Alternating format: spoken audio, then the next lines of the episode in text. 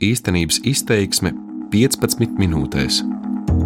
Vēsturnieku esejas par valsts drošības komitejas darbību padomju Latvijā.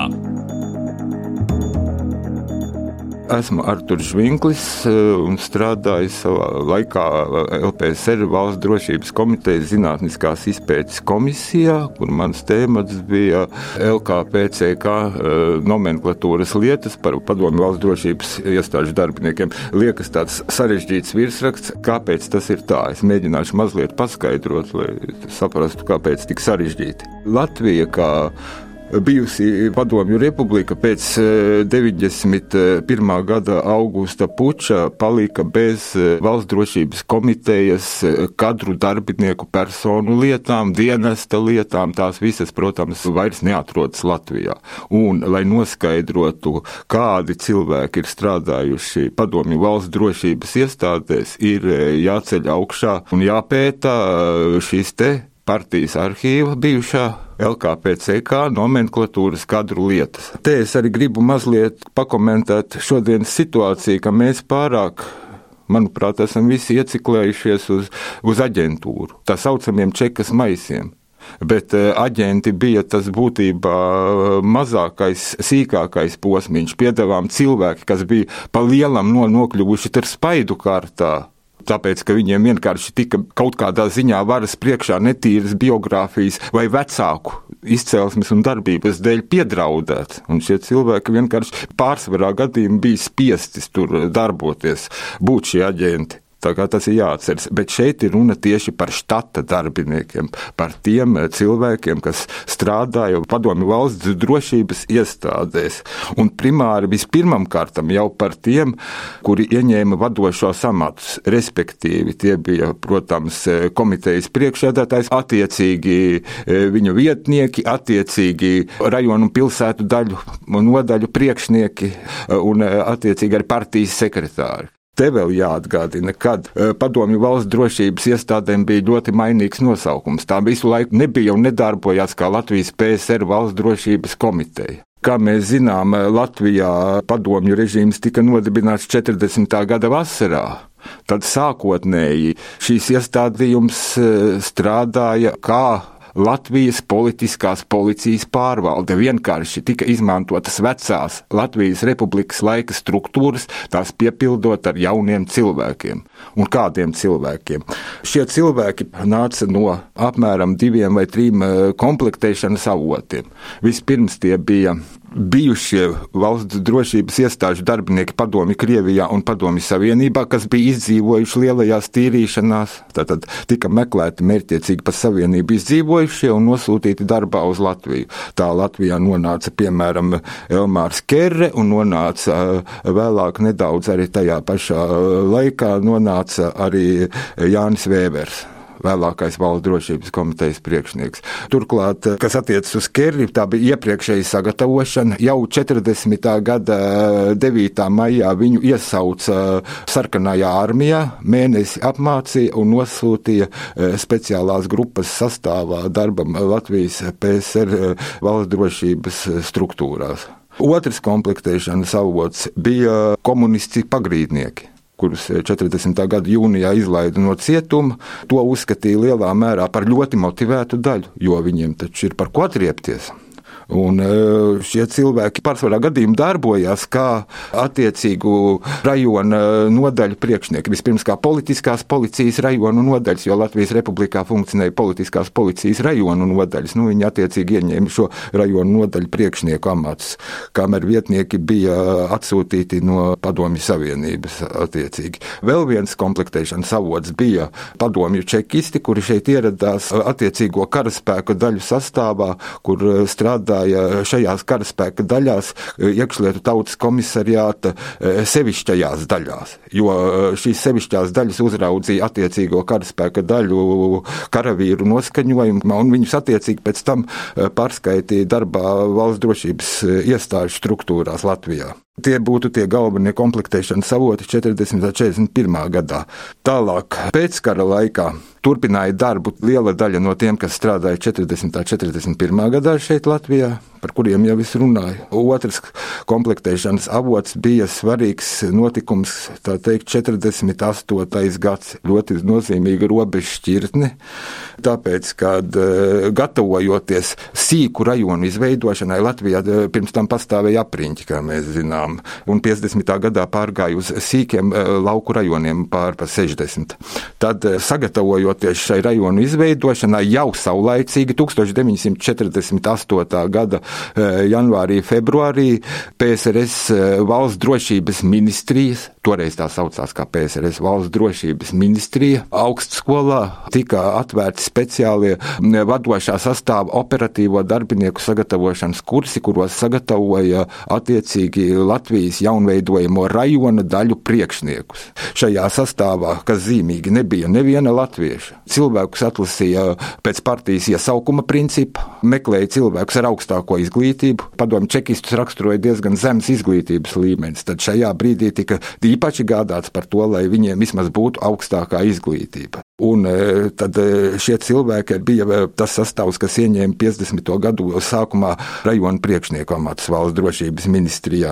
Tad sākās pakāpeniski arī vietējo kadru atlase, kuri iepriekš nebija strādājuši valsts drošības ministrijā. Šeit tika piemērots tas pats princips, kas padomju savienībā. Un būsim godīgi, ka ļoti daudzos gadījumos, pārsvarā visos gadījumos, teikšu tā, cilvēki darbam valsts drošības iestādēs tika atlasīti pēc mobilizācijas principa. Komjauniešus rekomendēja darbam eh, Latvijas Ļeņina Komunistiskās jaunatnes savienības centrālās komitejas birojas, veseliem sarakstiem 40. gadu beigās, 50. gadu sākumā un nosūtīja uz eh, valsts drošības ministrijas skolām, pārsvarā uz Mogiļevu sākumā. Un tādā veidā pamatā tika gatavoti vidējā līmeņa kadri, respektīvi operatīvie darbinieki. Un attiecīgi bija arī partijas iesaukumi, kad eh, cilvēks no partijas darba tika pārcelts darbā uz valsts drošības iestādēm. Un ne visi, protams, ar to bija apmierināti.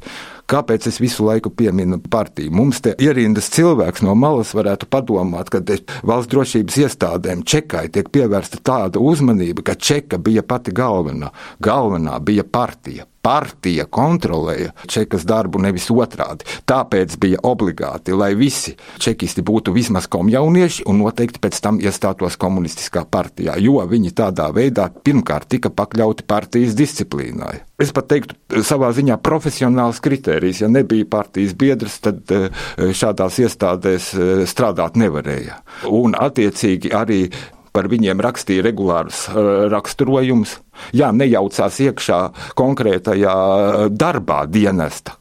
Tur pilnvaru šādas nebija, bet veikt kontroli eh, un tā teikt viņu partijas ideoloģisko un ideisko audzināšanu un skatīties, kādi viņi ir cilvēki, tas ietilpa partijas komiteja biroju funkcijās. Un tas arī tika regulāri darīts, tika regulāri rakstīti raksturojumi un eh, vērtēti šie cilvēki. Tā kā eh, primārais tādā gadījumā bija partija.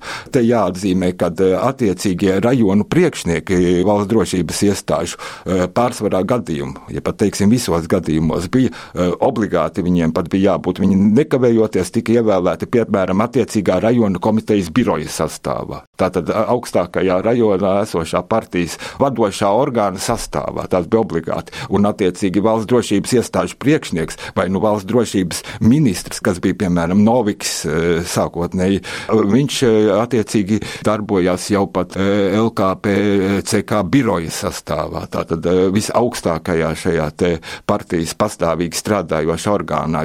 Un e, šīs iestādes tad arī vadīja arī valsts drošības iestāžu darbu, šīs partijas augstākās iestādes. Tā kā e, tas ir tas primārais, kas jāatceras šai gadījumā. Es pieminēju šo faktu, ka e, komplektējot kadrus rajonu valsts drošības ministrijas nodaļu priekšnieku amatiem, savā laikā. Nebija neviena latvieša. Tad 1953. gadā priekšlietu struktūras tika uzticētas Laurentijam Berijam. Un šajā 53. gada e, vasarā, respektīvi, mēs te runājam, e, tas notika martā, Staļina nāve un šīs struktūras maiņas, bet ar Berijas rīkojumiem sākās nekavējoša kadru nomaiņa. Faktiski visi krievu tautības e, čekas priekšnieki rajonu daļu priekšnieki, te es runāju, tika aizstāti ar latviešu kadriem. Un tieši tā arī bija šajā te formulējumā norādīts aizstāšanas sakarā ar amata komplektēšanu no pamatautības kadriem. Un uh, viņi zaudēja savus amatus, viņi attiecīgi tika pārcelti uh, no priekšnieka, daļas priekšnieka amata par daļas priekšnieka vietnieku, lai tas nebūtu tik sāpīgi. Viņus pārcēla uz citu rajonu, piemēram. Bet tas notika tikai un vienīgi ar Laurentija Berijas pavēli no Maskavas. Ir kādreiz pausts nepareizs viedoklis arī zinātniskajā literatūrā, kad lūk, Latvijas partijas vadība veica šo te pāreju. Tas pilnīgi neatbilst patiesībai.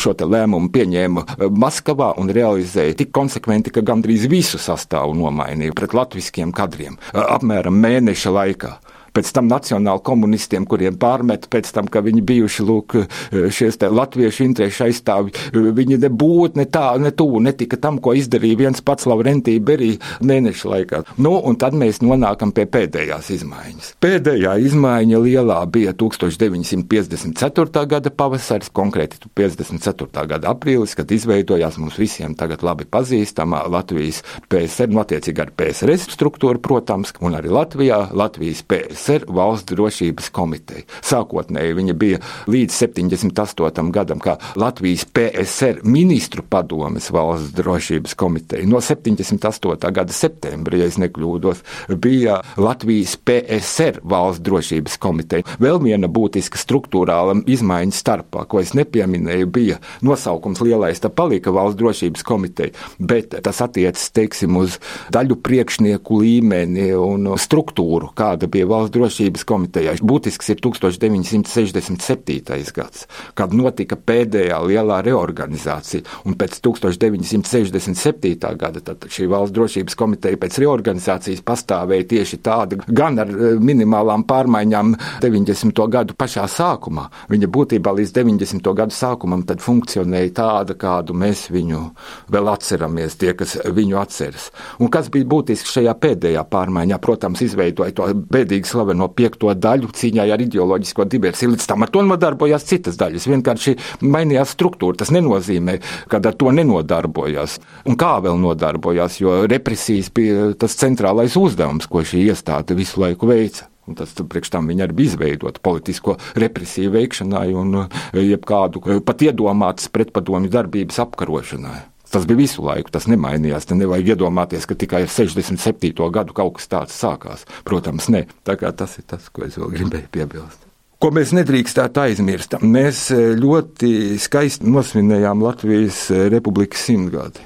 Bet ir viens aspekts, pētot šīs nomenklatūras lietas, un ir atrodami daudzi augsta ranga kompartijas eh, un padomju valsts darbinieki, latvieši kuri savās autobiogrāfijās un savās personu kartītēs, kuras bija jāizpilda pašrocīgi par, un jānorāda visi ieņemti amati agrāk, norādīja, ka viņi jau sākot no 18. gada un 20. gadu sākumā ir darbojušies e, Čekā. Tātad toreiz tā tiešām saucās Čeka, Viskrievijas ārkārtējā komisija cīņā ar kontrrevolūciju un sabotāžu, tulkojot latviešu, nu, krieviski tas ir VČK. Un kas jāatzīst, ka piemēram 50. gadu Sauhaus ministra vietnieks, precīzāk runājot, bija savā laikā, tajā pašā 18. gadā, kad dibināja Latvijas valsts, piedalījies un to viņš arī godīgi un atklāti raksta, Krievu zemnieku sacelšanos apspiešanā.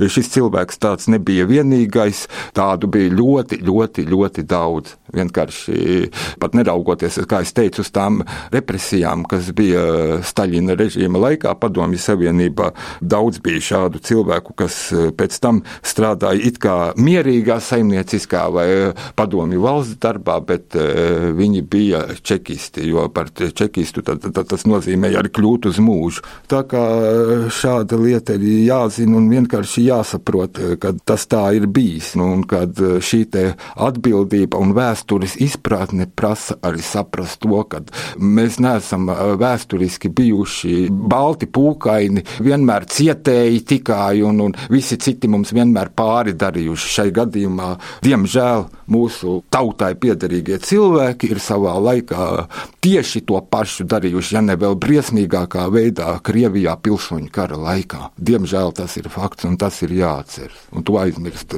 Arī mūsu simtgadē nebūtu godīgi, ja mēs gribam celt Latviju uz morāli tīriem pamatiem, tad uh, vēsturiskai atmiņai arī ir jābūt godīgai. Šodien ar jums savās domās par šeit dzirdēto dalījās Artur Švinklis. Paldies!